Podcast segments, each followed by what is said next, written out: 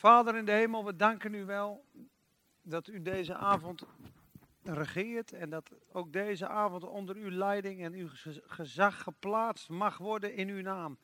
Heer, zo komen we ook tot u, Heer. We komen leeg bij u en we gaan vol weer terug, Heer. En soms hebben we moeite en strijd in onze ziel. Ik sprak er net nog over met Marcel en ook met mezelf. Heer, maar u vult ons keer op keer. In onze zwakte bent u onze kracht. Dat bidden we ook voor vanavond. In onze zwakheid wordt onze kracht. Heer, wij verbinden ons hart met uw hart op dit moment. Wij stellen ons open voor u. Doe wat u wilt doen vanavond. Spreek, Heer, het woord wat u in ons leven wil zaaien en spreken. Heer, we zijn zo ver verwijderd nog van wie u bent en hoe u door ons heen kan wandelen en leven en bewegen. Maar we verlangen daarnaar. Heer, we zijn zo ver verwijderd van nederigheid en zachtmoedigheid. Heer, maar als u in ons werkt, dan is het bereikt. Heer, en dat is onze hoop. Christus in ons, de hoop der heerlijkheid. Heer, we willen zo graag veranderen, maar we kunnen onszelf niet veranderen. Maar u kan dat wel. En dat bidden we ook voor vanavond, Heer. We bidden ook, Heer, richt ons, bemoedig ons, vertroost ons. Heer, maar laat het geen, uh, ja, geen slappe boodschap zijn, Heer. Wat ik ook vanmiddag las. Sugar-coated teaching. Het is allemaal mooi, het is allemaal fijn, het is allemaal prachtig. Heer, maar er is ook bekering, er is ook vergeving, er is ook genade. Heer, maar wilt u het zo brengen dat we niet ontmoedigd raken, niet bang worden, niet veroordeeld raken maar wel geïnspireerd raken en ontdaan raken, Heer, van uw woord. Heer, het is niet niets waar we vandaan komen en waar we naartoe gaan. Heer, uw koninkrijk regeert over alle dingen. We prijzen u daarin, we nodigen u hierin uit. Heer, we vragen, kom ons tegemoet, Heer. En we danken u voor de overvloedige genade die u gegeven heeft. En we danken u dat we al weten dat we zullen zijn zoals u bent, omdat we u zullen zien zoals u bent. Heer, u staat aan het begin en u staat aan het einde. En dank u wel daarvoor, voor die belofte, Heer, in Jezus' naam. Amen. Amen. Ja, ik bid zo omdat die opbouw in die Korinthebrief is een afstripping van de oude mens en de dingen die ons weerhouden om dicht bij God te leven. En dat gaat aan maar dieper. Dan denk je zo'n Korinthebrief, ach, dat komt wel goed. Eerst begint hij dan dat vlees aan te pakken, die ziel aan te pakken. En dan begint hij op een gegeven moment het voor jezelf opkomen. Dat komt vandaag, hè, dat voor jezelf opkomen. Dat, dat gaat hij aanpakken. Op een gegeven moment gaat hij nog een laag dieper. En nog een laag dieper. Het gaat zelfs in hoofdstuk 6 over het eten. Het misbruik van eten, misbruik van je lichaam. En denk, ja maar mama, waar heb je het allemaal over? Jezus heeft ons gekocht en betaald. En toch gaan we die diepte en dat proces in. Jezus is gestorven om ons van de zonde te bevrijden. Maar ook in ons komen wonen om ons van de zonde te verlossen helemaal. Op een gegeven moment gaat die schoonwassing, die heiliging van binnen ook aan de gang. En dat hoge bravoer, die hoogmoed, die angst, alles gaat langzaam, gaat toch aan de kant. Want het zijn blokkades voor de Heer Jezus. En uh, nou ja, daar moet je ook gewoon naar kijken. Hè. Als je straks naar hoofdstuk 10 komt, wordt het nog heftiger. Dan denk je, nou, ik vond het wel goed nieuws aan het begin. Uh, het evangelie, alles rijk geworden en vergeven, kruis, genade.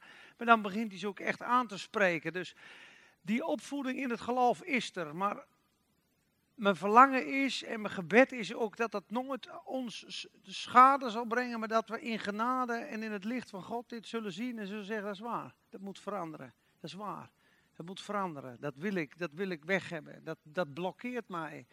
En dat is, dat is daarom bid ik ook zo. De zonde mag zonde genoemd worden, maar het moet niet de boventoon voeren, maar het, kan ook niet genegeerd worden, zo van, maakt niet uit, maakt niet uit. Die dingen zijn... Uh, die, die worden aangestipt hier. Vandaar. Oké. Genoeg licht of moeten er nog een paar lampjes aan? Ik vind het ook wel gezellig zo. Dat is wat sfeervoller, hè?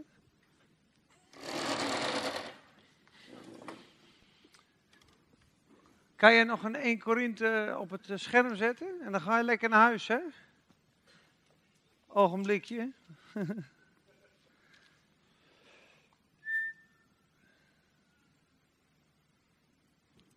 1 Korinthe 5, vers 9 beginnen we te lezen.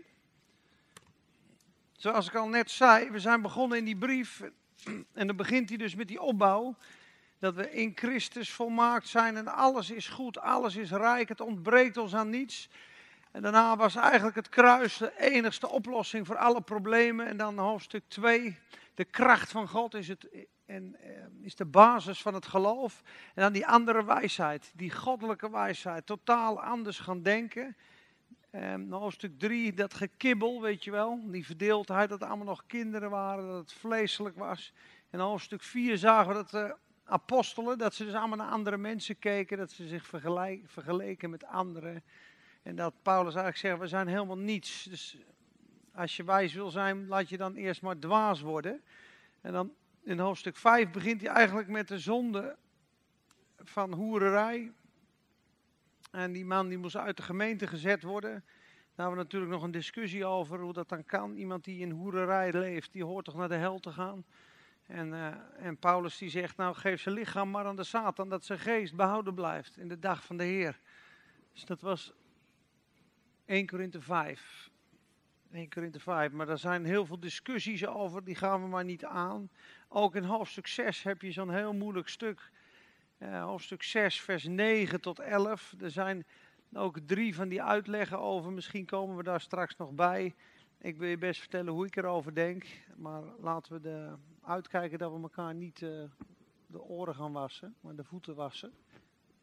En uh, met de uitverkiezing heb je ook heel veel strijd en vragen en over de doop en over dat soort dingen. Maar ik geloof in eeuwige redding, laat ik het zo zeggen. Ik geloof als God je redt, dat hij je voor eeuwig redt. Maar ik geloof ook dat je na dat je tot de Heer Jezus gekomen bent, je aan de Heer Jezus moet vastkleven en moet volharden. Dat staat er ook. Kleef aan de Heer. En er staat in Hebreeën, we moeten ernstig, de, de, grote ernst meemaken met de dingen die we gehoord hebben. Anders laten we ze glippen uit onze, onze handen en drijven we af. Staat er ook. Dus als je niks doet, je negeert het evangelie, je doet er niks mee, drijf je af. Gelukkig hebben we een anker voor onze ziel. Maar je kan, hoe zullen wij ontvlieden als we op zo'n grote zaligheid niet acht slaan? Hé, hey, dit klinkt beter hè? Die grote oren van me zitten natuurlijk altijd in de weg bij die microfoon. Ik hoor op de band wel eens een hele stille stem. Denk ik, ik heb toch aardig hard gepraat, maar dan zit hij waarschijnlijk te veel achter mijn rechteroor. Kijk, zie je? Het scheelt een, scheelt een beetje. Halleluja. Goed. Uh, ik begin in vers 9. Ik heb u geschreven in de brief dat u zich niet moet inlaten met ontuchtplegers. Echter niet in het algemeen met de ontuchtplegers van deze wereld of met de hebzuchtigen of rovers of afgodendienaars, want dan zou u uit de wereld moeten gaan. Maar ik heb u nu geschreven dat u zich niet moet inlaten met iemand terwijl hij een broeder wordt genoemd, een ontuchtpleger is, of een hebzuchtige, of een afgodendienaar, of een lasteraar, of een dronkaard, of een rover. Met zo iemand moet u zelfs niet eten. Het is toch niet aan mij om hen die buiten zijn te oordelen, de ongelovigen. Oordeelt u immers niet alleen hen die binnen zijn, de gelovigen, maar hen die buiten zijn, oordeelt God. En doe de kwaaddoener uit uw midden weg. Dan lees ik in hoofdstuk 6 tot vers 11. Durft iemand van u die een geschil heeft met een ander zijn recht te zoeken bij de onrechtvaardigen en niet bij de heiligen? Weet u niet dat de heiligen de wereld zullen oordelen? En als u door de wereld geoordeeld wordt, zou u dan ongeschikt zijn voor de meest onbeduidende rechtszaken? Weet u niet dat wij engelen zullen oordelen? Hoeveel te meer dan alledaagse dingen? Als u dus rechtszaken hebt over alledaagse dingen, stel dan hen aan die in de gemeente niet in aanzien zijn. Tot uw beschaming zeg ik dit. Is er dan onder u niemand die wijs is, zelfs niet één, die in staat zou zijn een oordeel te vellen in een geschil tussen zijn broeders? Integendeel, de ene broeder spant tegen de andere broeder een rechtszaak aan en dat voor de ongelovigen. Dan is er al volledig sprake van verlies onder u dat u onder elkaar rechtszaken hebt. Waarom leidt u niet liever onrecht? Waarom laat u zich niet liever benadelen? U echter doet onrecht en benadeelt, en dat nog wel aan de broeders. Of weet u niet dat de onrechtvaardigen het koninkrijk van God niet zullen beërven? Dwaal niet, ontuchtplegers, afgodendienaars, overspelers, schandknapen, mannen die bij mannen slapen, dieven, hebzuchtigen, dronkaards, lasteraars en rovers zullen het koninkrijk van God niet beërven. Sommigen van u zijn dat wel geweest, maar u bent schoongewassen, maar u bent geheiligd, maar u bent gerechtvaardigd in de naam van de Heer Jezus en door de geest van onze God. Tot zover even. hoofdstuk 6 heeft nog een tweede gedeelte, maar anders wordt het te veel. En we willen het hebben over het regeren met Christus. En we beginnen hier dus in hoofdstuk 5. Begint hij over te spreken dat ze zich niet in moeten laten met ontuchtplegers. Dus de Corinthiërs, dat is een kerk in de, in de Bijbel beschreven zoals wij allemaal bij elkaar. Het is heel vreemd dat God die brief uitgekozen heeft om in de Bijbel te, te zetten, zeggen ze. Omdat er zoveel misstanden waren. En uiteindelijk zijn heel veel Bijbelleraars erachter gekomen na 30, 40 jaar van, weet je wat het is? Dit is hoe wij zijn. Dit is hoe de gemeente er gewoon bij staat. Er is ruzie, er is hoererij, er is uh, partijschap, er is verdeeldheid. Dit is aan, aan de orde van de dag.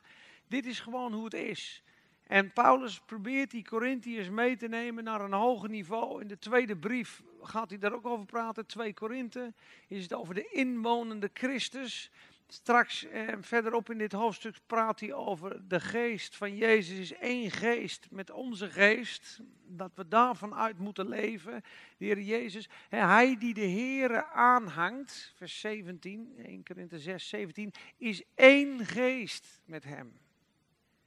Vroeger vroeg ik dat dus ook eens aan iemand, van nee, maar als je dan zondigt, eh, val je dan niet bij God vandaan? Toen zei iemand, nou dat is heel moeilijk, want je bent één geest met de Heer Jezus. Je bent één geest met Hem. Dat is een heel wonderlijk iets. En waarom is dat zo wonderlijk? God is door en door goed en heilig en wij zijn onheilig en, en krom. En toch heeft hij in die geest, is hij helemaal één met ons. Dus die geest moet wel uit God geboren zijn en moet wel helemaal nieuw zijn en moet wel helemaal heilig zijn. Anders kan die niet aan God kleven. Dus zoals water en thee bij elkaar gaan, theezakje, dat water, dat noemen ze de mingled spirit. De gemengde vermenging van de geest. Dus vroeger hadden ze een koek met olie, moesten bij de Heilige Geest en dan bepaalde kruiden. Dat moesten ze wrijven en dat werd een mooie parfum. En dan, die parfum is eigenlijk Jezus in ons. dus water en thee. De Jezus is de thee in ons, is de wijn in ons, is de vreugde in ons. En eigenlijk brengt Paulus hun terug bij de essentie van het evangelie, Christus in u. De motor van het christelijke leven is Jezus in ons. En ik zei vroeger wel eens, je moet niet Christus imiteren, maar Hem in je laten regeren. En Satan wil ons constant afhouden van die inwonende Jezus en ons in eigen kracht de dingen van de Bijbel te laten volbrengen. Waardoor je gefrustreerd raakt, waardoor je tekortschiet, waardoor je ontmoedigd raakt. Maar Christus in u is de hoop der heerlijkheid. Dat betekent de hoop op de glorie van God. En de glorie van God is het karakter van God, is de goedheid van God. Dus Christus in u, de hoop op de goedheid van God is, dat betekent eigenlijk dat Jezus in ons de goedheid van God in ons bewerkt en zichzelf uitdeelt in ons en zichzelf dupliceert in ons. Dat hij vele zonen tot heerlijkheid zal brengen. Dat is waar Jezus voor gestorven is, om ons te, te kopen, te wassen en om aan zijn beeld gelijk te maken. En straks zullen we zijn zoals Jezus is. Maar om, om door ons heen te stralen, door ons heen te schijnen, moet hij ons aan de weg, aan de kant krijgen. En we zijn dit soort figuren van binnen. Dat maak ik zelf wel even uit. En die rebel moet wijken voor Jezus. En die rebel die is eens gebogen bij het kruis. Die heeft ingezien, ik heb Jezus nodig. Ik ben door en door slecht. Ik heb wel eens gezien in de geest. Ik heb het niet altijd, maar ik heb het echt eens in de geest gezien. Ik ben nog erger als Hitler en Gaddafi bij elkaar. Nee, maar echt de verdorvenheid van je natuur, de verkniptheid, de verdeeldheid, de, het egoïsme, de listigheid van je oude natuur is zo dusdanig verkeerd en verdorven dat Gaddafi en Saddam Hussein en Hitler zijn, is dat, dat, wij zitten op hetzelfde niveau. Dan zeg je, ja, ik ben veel minder slecht als hij. Maar bij hem is het meer naar buiten gekomen. Maar elk mens is zo verdorven, daarom moest Jezus ook sterven. Het was niet meer te repareren. Er is maar één manier voor die oude mens, dat is beëindiging. Beëindiging. En voor een goed mens is Jezus zelfs gestorven. Ik, ik, doe dit, een goed mens. Want Jezus zegt, doen de zondaren niet hetzelfde. Als u goedemorgen zegt tegen iemand die goedemorgen zegt tegen u, doen de zondaren dan niet hetzelfde. Als u geld uitleent en u verwacht het terug, doen de zondaren niet hetzelfde. Als u goed doet, wie goed doen, doen de zondaren niet hetzelfde.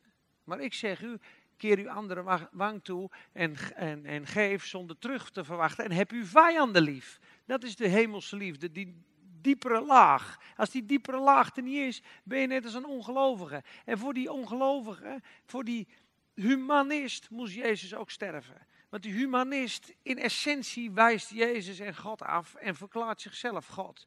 Dus Jezus moest komen voor ons. En in die verdorvenheid heeft hij ons gered en zalig gemaakt. We zijn toen geknield als zondaar. We hebben erkend, ik heb u nodig als mijn leven.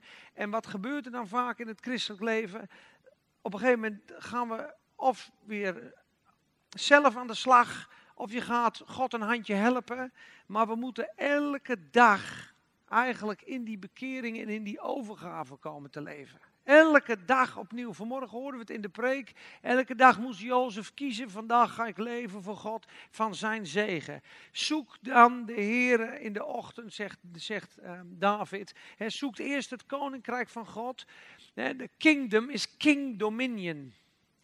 Kingdom is king dominion. Wisdom is wisdom dominion. Daar staat het voor, koninkrijk, wisdom. Dus de koning domineert. Zoek eerst de domi, het, domineren van Gods koninkrijk in je leven. Onderwerp je eerst aan Jezus, u bent mijn koning. En aan zijn gerechtigheid. En alle dingen worden u gegeven. Dat is dus de eerste stap. Op het moment dat we dat dagelijks doen, neem dan dagelijks uw kruis op u.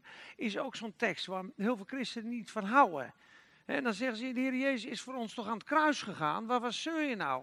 We hoeven toch ook niet meer te lijden. Hij heeft toch voor ons geleden. Waar, waar, waar heb je het nou toch over? Maar als je de 1 Petrusbrief leest, dan zie je wel degelijk dat er staat, zoals hij een voorbeeld was en voor ons geleden heeft, dat als hij uitgescholden werd, niet terugschold, als hij leed, niet dreigde, maar alles overgaf aan hem die, die rechtvaardig oordeelt, opdat wij in zijn voetstappen zouden gaan. Want als wij lijden naar de wil van God, brengt dat genade bij God. En het is Gods wil dat we soms onterecht behandeld worden, om dat mannetje aan de kant te krijgen. En onterecht behandeld worden, gaan we voor onszelf opkomen. Maar op dat moment moeten we dus leren koppelen, Heer, ik word onrechtvaardig behandeld en ik zeg niks. Ik word stil als een lam dat de slachting geleid wordt. Ik reageer niet meer. Ik ga niet meer voor mezelf opkomen, dat doet u. Geef dan aan de toren plaats. Zo zult u vurige kolen stapelen op de hoofd van uw aanvallers. Wie weet wat dat betekent trouwens? Weet je wat dat betekent? De Romeinen. Romeinen 12, laatste vers. Dat is dus, er gebeurt iets, iemand valt je aan, of je wordt ten onrechte beschuldigd, of je wordt bid voor wie u vervolgen. Doe goed aan wie u kwalijk mishandelen, zegt de Heer Jezus. Bid voor wie u vervolgen. Doe goed aan wie u haten. Heel bijzonder. Kijk, in het laatste vers van Romeinen, dan zegt hij, ik begin even in vers 19, wreek uzelf niet, geliefden, maar laat ruimte voor de toorn. Want er staat geschreven, mij komt de wraak toe, ik zal het vergelden, zegt de Heer. Als dan uw vijand honger heeft, geef hem te eten. Zie je, keer de andere wang toe. Als hij dorst heeft, geef hem te drinken. Want door dat te doen, zult u vurige kolen op zijn hoofd hopen. Wie weet wat dat betekent? Als u dat doet, zult u vurige kolen op zijn hoofd hopen. Ja, die, die vurige kolen spreken van het oordeel, het rechtvaardige oordeel van God. Dus op het moment dat iemand jou onterecht behandelt en je slikt het en je geeft plaats aan de toorn en zegt, Heer Jezus, ik reageer niet, want ik ben gestorven. Ik geef deze zaak aan u. Dan wordt hij teruggeworpen op hemzelf en gaat zijn hart gaat zich overtuigen. En op dat moment begint Gods geest die vurige kool op zijn hoofd te stapelen. En voelt hij eigenlijk, ik zit zelf helemaal verkeerd. Ik zit zelf helemaal verkeerd. En dan gaat God het doen. Wordt niet overwonnen door het kwade, overwin het kwade door het goede. Een zacht antwoord keert de woede af. Maar het begin van een ruzie is als een scheur in een dam. Weet je dat in een Engelse vertaling staat? Alleen door trots komt ruzie. Only by pride comes contention. Dus alleen door trots komt ruzie. Als eentje zich vernedert, kan er al geen ruzie zijn. Ik heb ook ruzie wel eens gehad. En ik ben altijd maar er tegenin. Altijd maar voor jezelf opkomen. Altijd maar je gelijk willen halen. En ik denk dat het uiteindelijk na een paar jaar eens een keer lukte om eens gewoon niks te zeggen. Niks. En dan tien minuten. En dan eigenlijk net als een adelaar de, boven mogen vliegen. In connectie met Gods geest eigenlijk kunnen denken. Ja, dat is nou die vijand hè, door dat mens heen.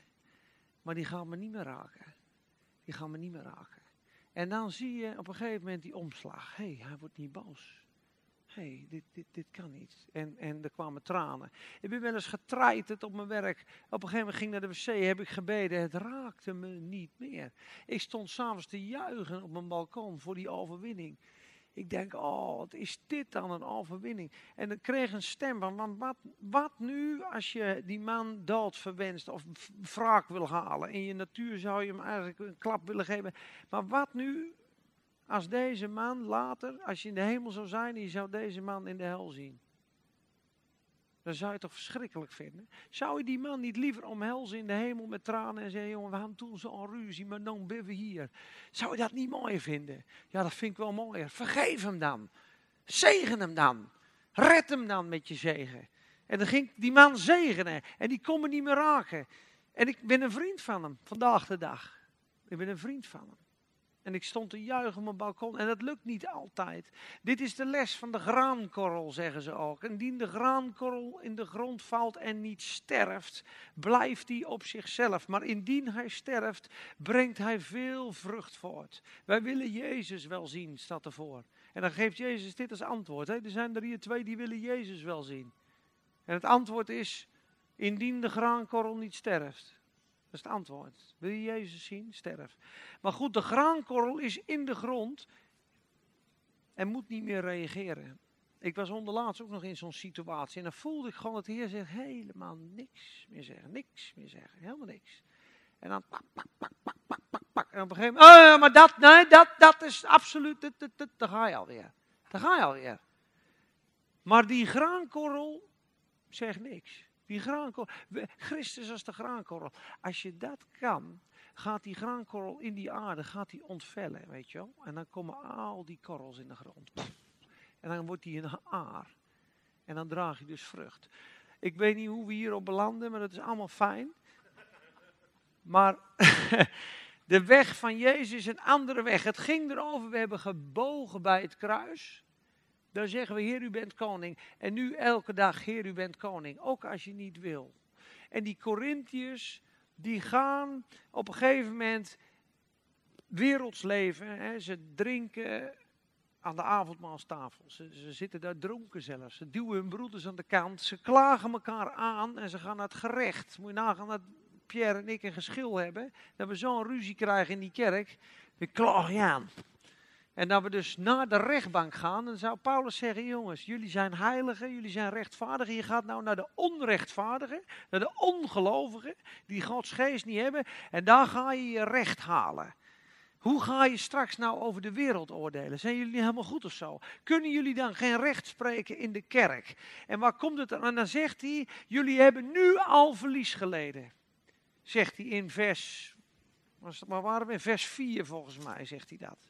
1 Korinthe 6 vers 4. Dan ben ik al in een stapje heb ik gemaakt. 1 Korinthe 6 vers 4.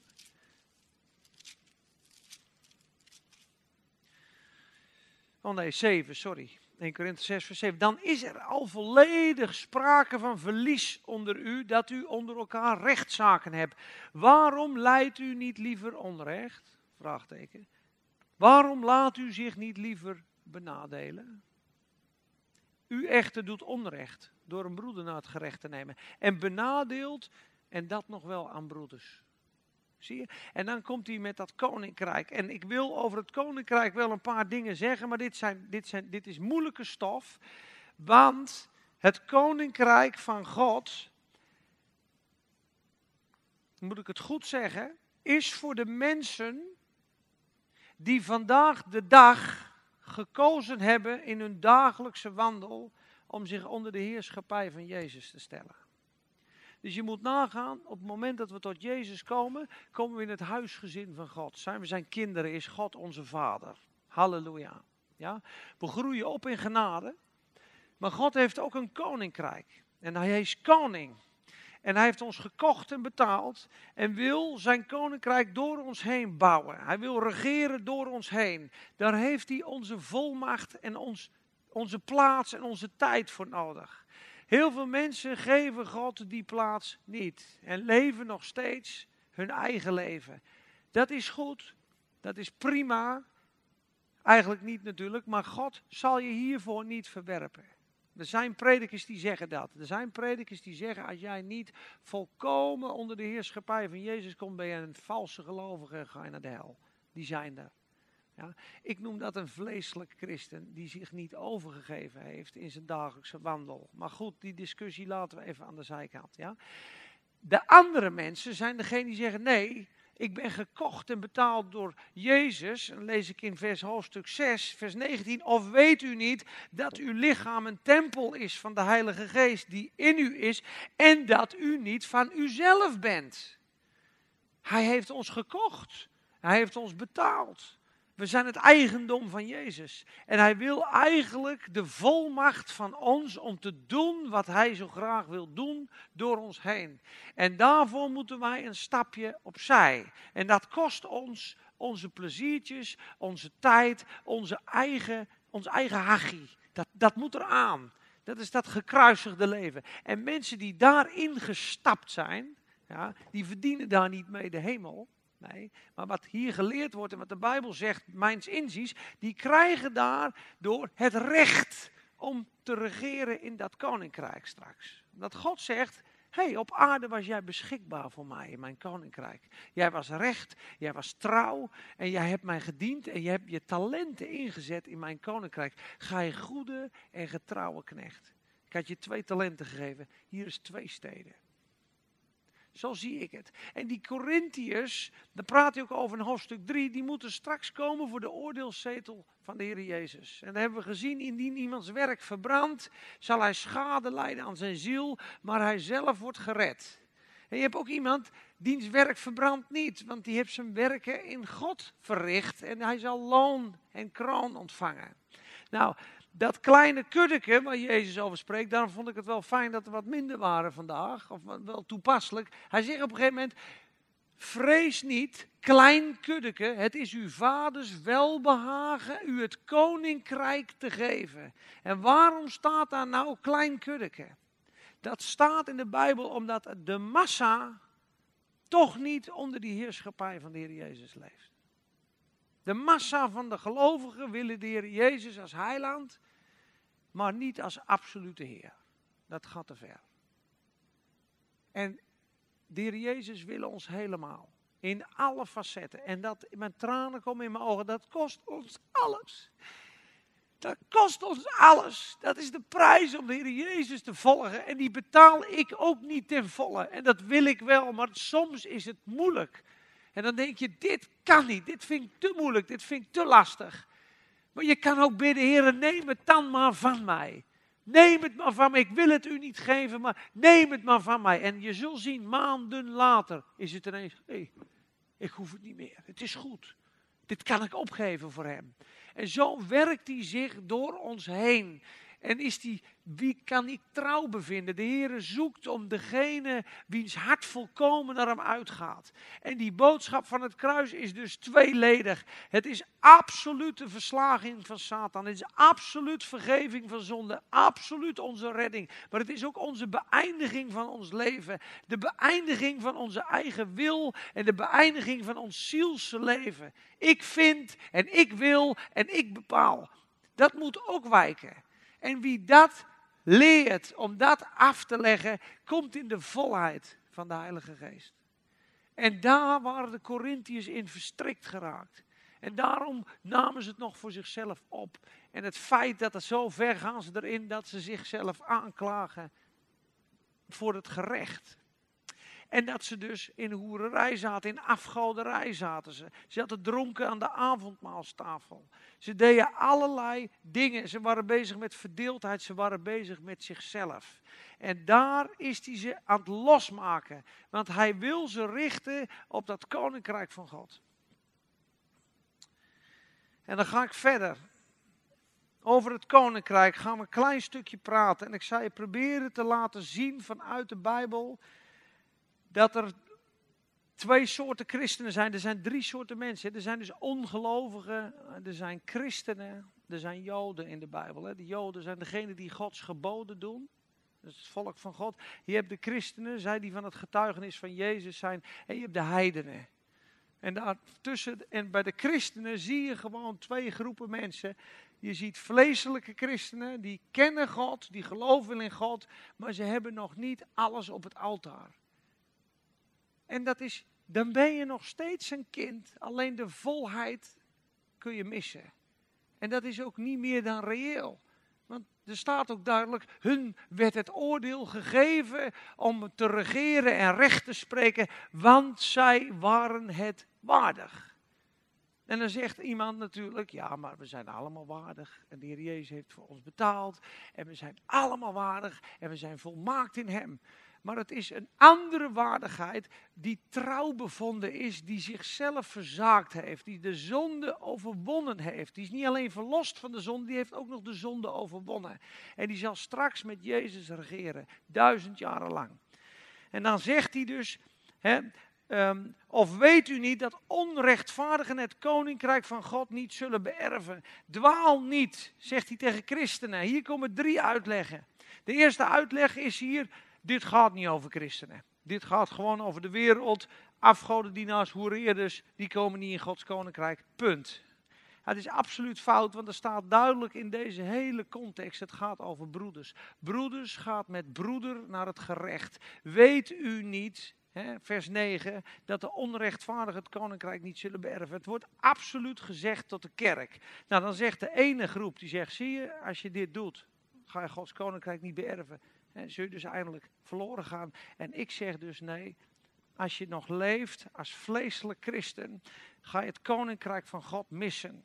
Gaat Gods koninkrijk één hier op aarde niet door je heen gebouwd worden? Dus je wordt niet vruchtbaar voor je buurman. Je wordt niet vruchtbaar uh, in je talenten. De naam van God wordt niet verheerlijkt in je leven. En je mist een grote erfenis. En dat ga ik je bewijzen, want er staat in, duidelijk voor mij in 2 Timotheus en 2 Thessalonicense. Als ik naar 2 Timotheus ga, 2 Timotheus, vers 11. 2 Timotheus 2, sorry, 2 Timotheus 2, vers 11. En dan ga ik beginnen in vers 9. Daarom, daarvoor leid ik verdrukkingen en draag zelfs boeien als een misdadiger. Maar het woord van God is niet gebonden. Daarom verdraag ik alles te willen van de uitverkorenen. Opdat zij ook de zaligheid in Christus Jezus zouden verkrijgen met eeuwige heerlijkheid. Dit is een betrouwbaar woord. Want als wij met Hem gestorven zijn, zullen we ook met hem leven. Hij hem gevonden dan? Is een heel belangrijke tekst. Elke keer als er staat, dit is een betrouwbaar woord, staat een paar keer in het Nieuwe Testament, zegt Paulus eigenlijk dit, wat ik nu ga zeggen, dat is, voor, dat is een betrouwbaar woord, hier kan je op bouwen, dit is iets heel belangrijks, dit komt keer en keer terug. Eigenlijk zegt, zet hij een, in een notendop dat hele evangelie hier neer. Dit is een betrouwbaar woord. He, zegt hij in 1 Timotheus, zegt hij dat, dat Jezus Christus in de wereld gekomen is om zondaren zalig te maken. Dit is een getrouw woord. Dit is een getrouw woord, want als wij met hem gestorven zijn, zullen we ook met hem leven. Dat is een belofte. Op het moment dat je je leven geeft aan de Heer Jezus, zeg je eigenlijk, ik moest aan dat kruis hangen. Ik moest gestorven, ik moest, ik moest gekruisigd worden. Ik, ik verklaar dat mijn leven hier beëindigt. Daarom ga ik ook in dat doopwater. Ik stap in het graf. Ik stop hier om te leven. En ik ontvang uw nieuwe leven. Uw eeuwige leven. Ja? Wie met hem gestorven is, zal ook met hem leven. Punt. Daarom zegt Romein ook, indien wij geplant zijn in de gelijkmaking van zijn dood, zullen we dat ook zijn in zijn opstanding. Punt. Ben je met Jezus gestorven, zal je ook opgewekt worden. Ben je met hem gestorven, zul je ook met hem leven. Kijk eens wat erachter staat. Als wij volharden, ik weet niet hoe het daar staat. Indien wij verdragen, zie je dat? Zullen wij ook met hem heersen. Zie je dat? Heersen, regeren. Dus dit is wat anders als het genadegeschenk van het leven. Indien we met hem gestorven zijn, zullen we ook met hem leven. Punt. Iemand die met Christus gestorven is, zal voor altijd met God leven. Maar in, indien wij volharden, of indien wij verdragen, dus dat kruis dragen, zullen we ook met hem regeren. Zie je dat? Ga je naar 2 Thessalonicense. Moet eens kijken wat daar staat. Dit, dit heeft toen mijn ogen geopend, want ik snapte dit nooit. Hè? En dan las ik die tekst en denk, hoe kan dat nou waardig? Je bent toch waardig? Waar heb je het nou over met je waardig? Je bent toch waardig voor God?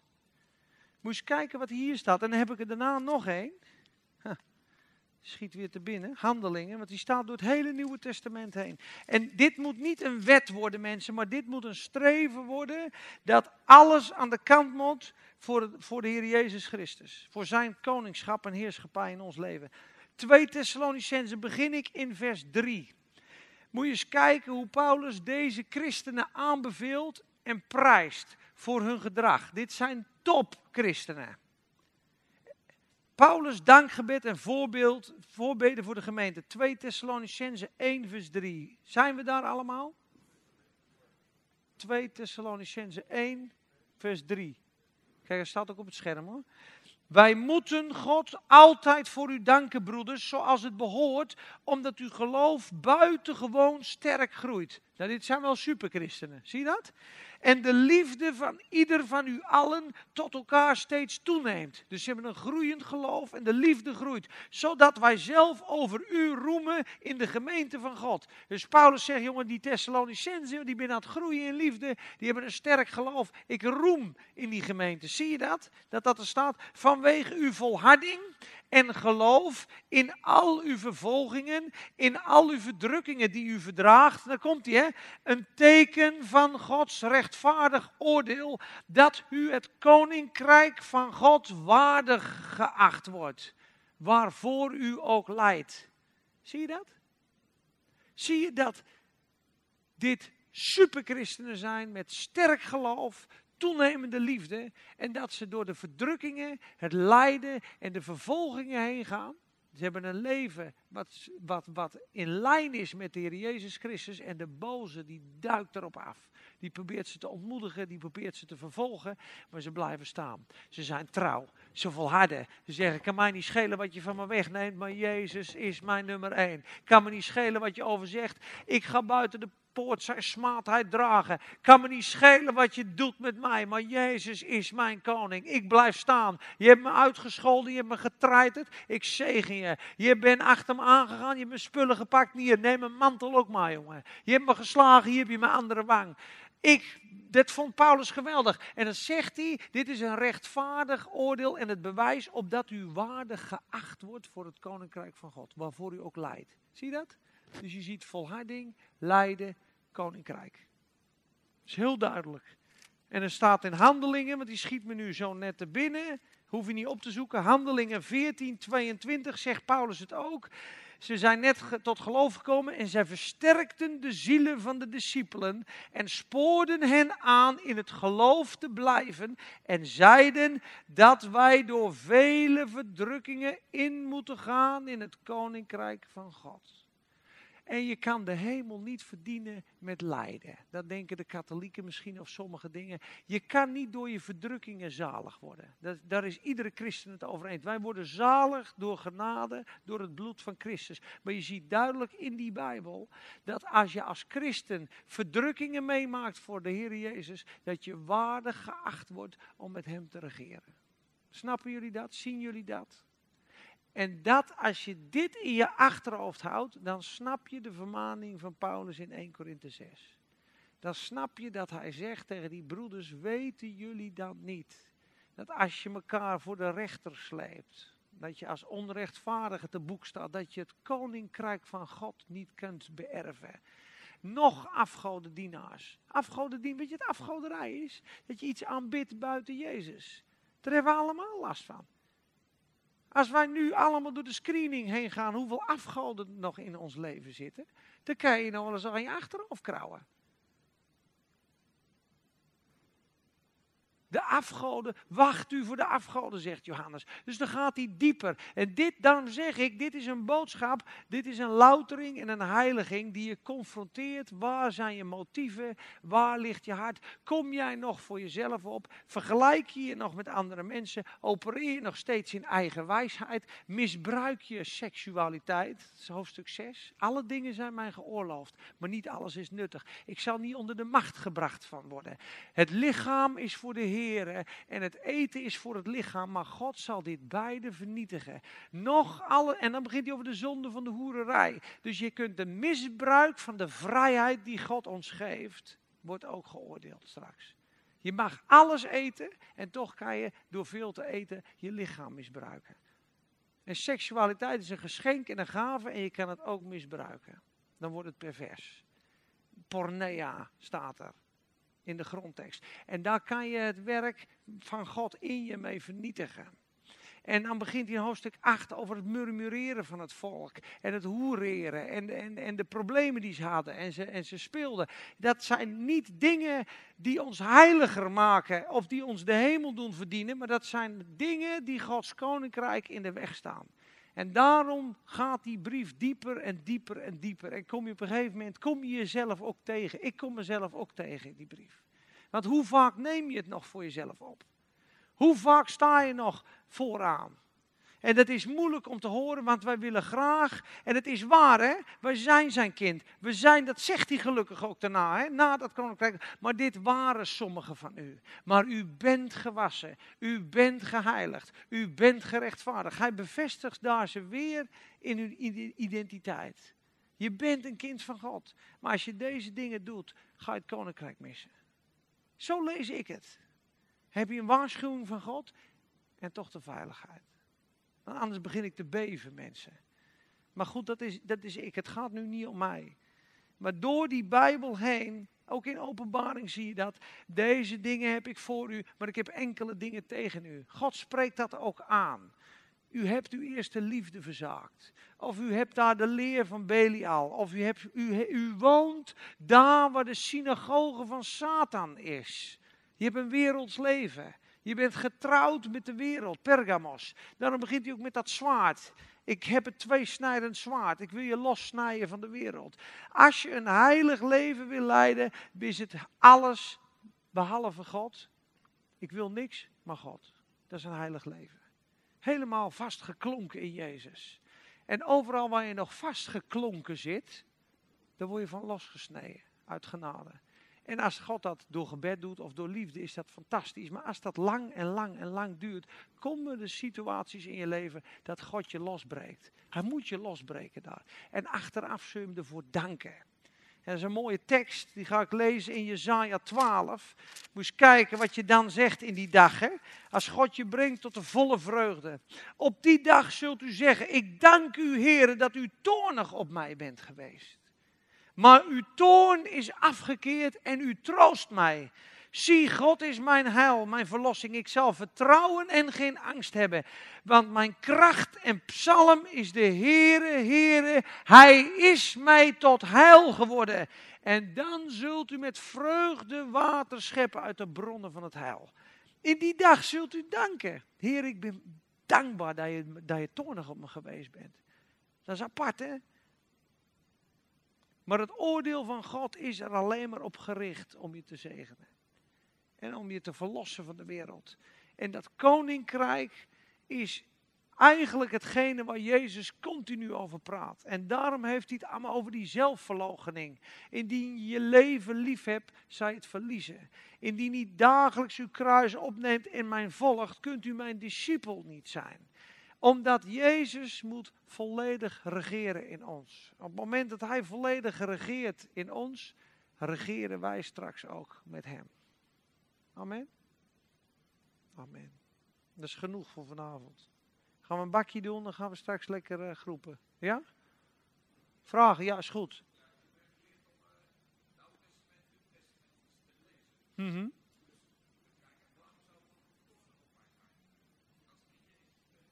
Een goede vraag. Waarom zou God toornig, de vraag is, waarom zou God toornig op mij zijn? Als ik in Jezus ben, is de vraag, ik wil het Oude Testament met het Nieuwe vergelijken. Ik vind het een hele goede vraag, Willem. Hij zal nooit toornig op jou zijn in Christus als jouw kind, want je bent zijn geliefde. En toch kan hij als vader, kan die je kastijden, zoals in Hebreeën 12. Dus hij kan ons gedrag, daar kan hij toornig op zijn. Maar onze natuur en ons zoonschap, die omarmt hij. Wij zijn namelijk volmaakt in Christus.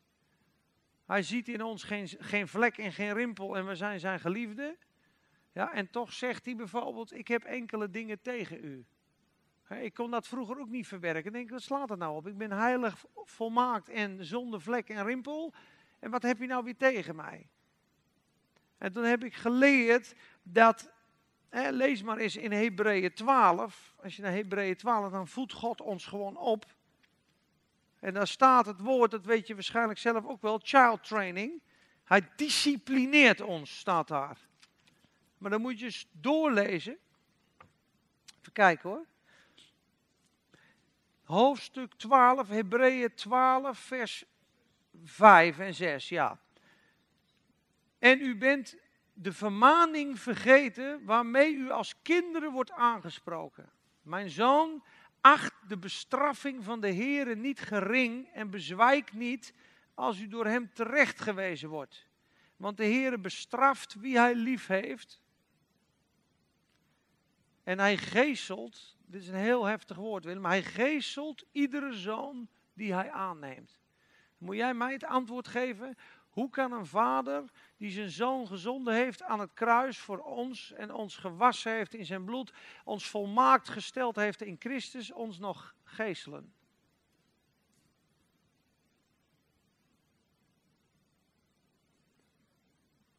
Wat is daarop uw antwoord?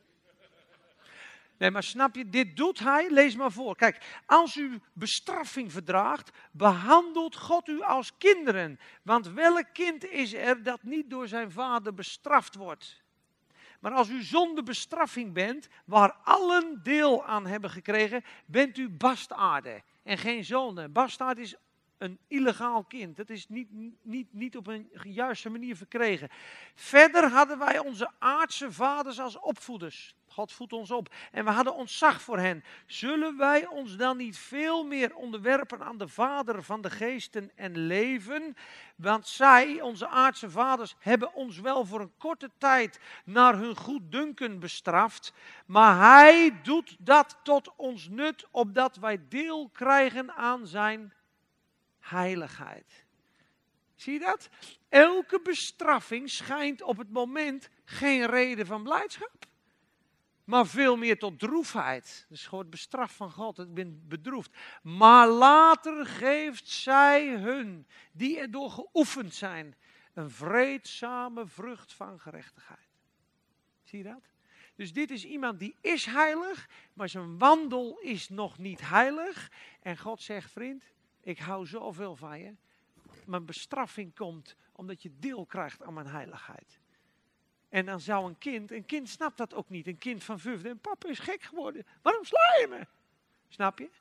Maar uiteindelijk is dat vaderhart erop gericht om je op te voeden in het geloof. En dit doet hij.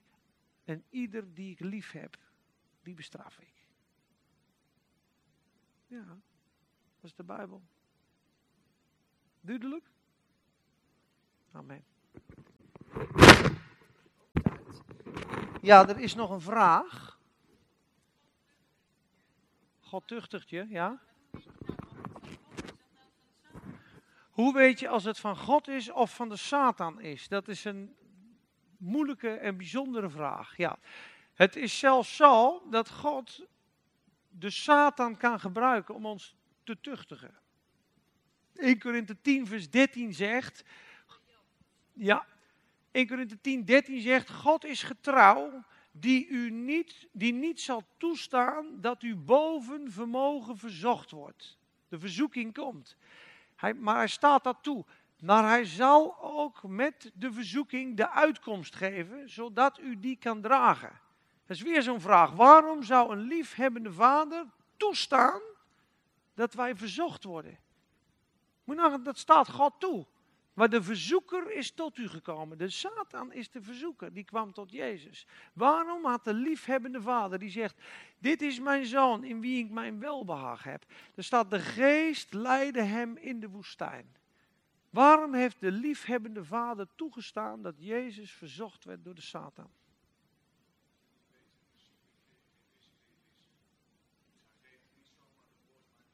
Ja, Jezus moest gehoorzaamheid leren, staat er in Hebreeën. De, hoewel hij de zoon was, heeft hij gehoorzaamheid geleerd in de dingen die hij geleden heeft. Dus zie dat lijden in ons leven leert ons gehoorzaamheid. En dan worden we volmaakt in de wil van God. En de tuchtiging van God, kijk, als, als het je bezwijkt, als het je ontmoedigt, dan is het de Satan die je die uh, de, bestaat bijvoorbeeld in spreuken, de weg van de overtreder is bezaaid met doornen en distelen.